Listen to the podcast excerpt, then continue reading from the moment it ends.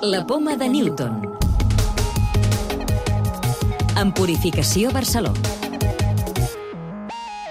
Gairebé la meitat dels sanitaris de l'Estat van presentar durant la primera onada de la pandèmia risc alt de tenir algun trastorn mental i fins a un 3,5% tenien idees suïcides, més del triple que la població general.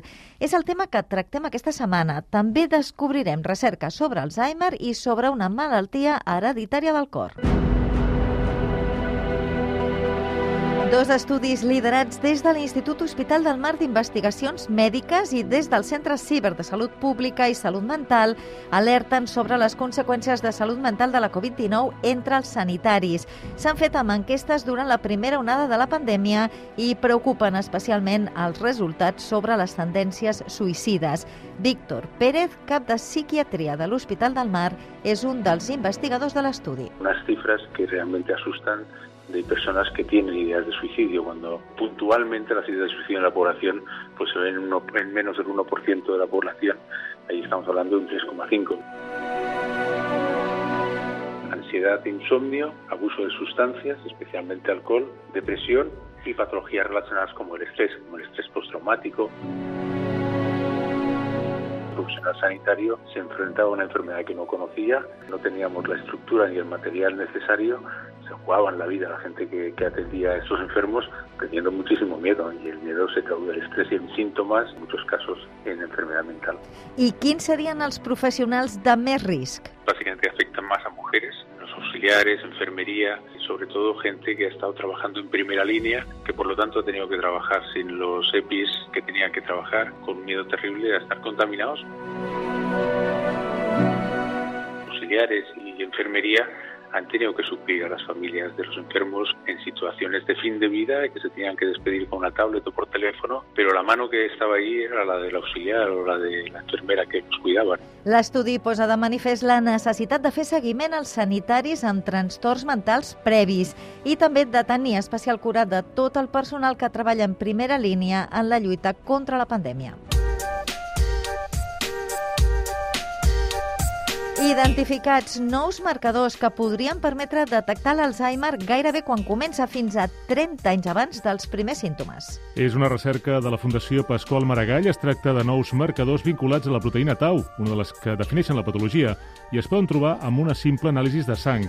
Marc Suárez Calvet és un dels investigadors principals de l'estudi. Es poden detectar encara més aviat del que ja podíem i, a més d'això, tant en el líquid cefalorraquidi de la punció lumbar, però també amb una anàlisi de sang. Una recerca del Centre d'Investigacions Cardiovasculars intenta trobar una solució a la malaltia cardíaca hereditària que provoca una alteració elèctrica del cor i la mort sobtada. El que fan és inocular als ratolins la mutació genètica que provoca la patologia per tal d'estudiar totes les fases de la malaltia i ho fan aplicant una tècnica innovadora que utilitza un virus com a transport.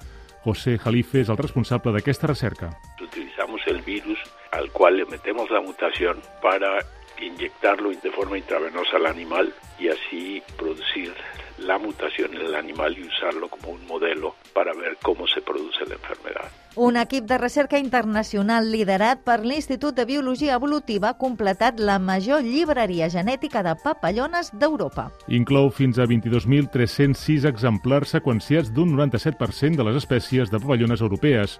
La llibreria de papallones servirà per avançar en la conservació de la biodiversitat i per desenvolupar plans de conservació d'aquests insectes arreu d'Europa. Llibres de ciència. Avui us recomanem un petit tresor per acostar l'univers a tothom, sobretot als més joves. Una guia elaborada per sis dones astrofísiques i acompanyada d'il·lustracions suggeridores i d'un pessic de poesia. El llibre Allà arriba, de Geoplaneta, pretén respondre les principals preguntes sobre el cosmos, com ara com va néixer l'univers o quins colors tenen les estrelles.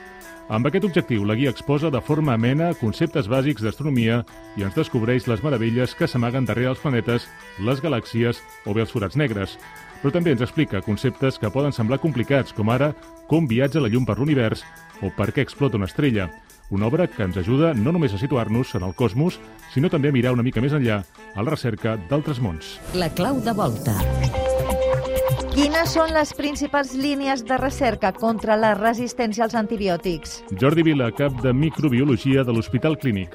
bacteriòfags podia ser una, una possibilitat, tot i que els bacteriòfags, evidentment, tenen les seves limitacions. Una altra possibilitat és molècules sintètiques. Després hi ha inactivació de gens amb un petit pèptid, que el que fa és com cavall de Troia, no? Nanopartícules, també és una altra aproximació, partícules d'or, per exemple...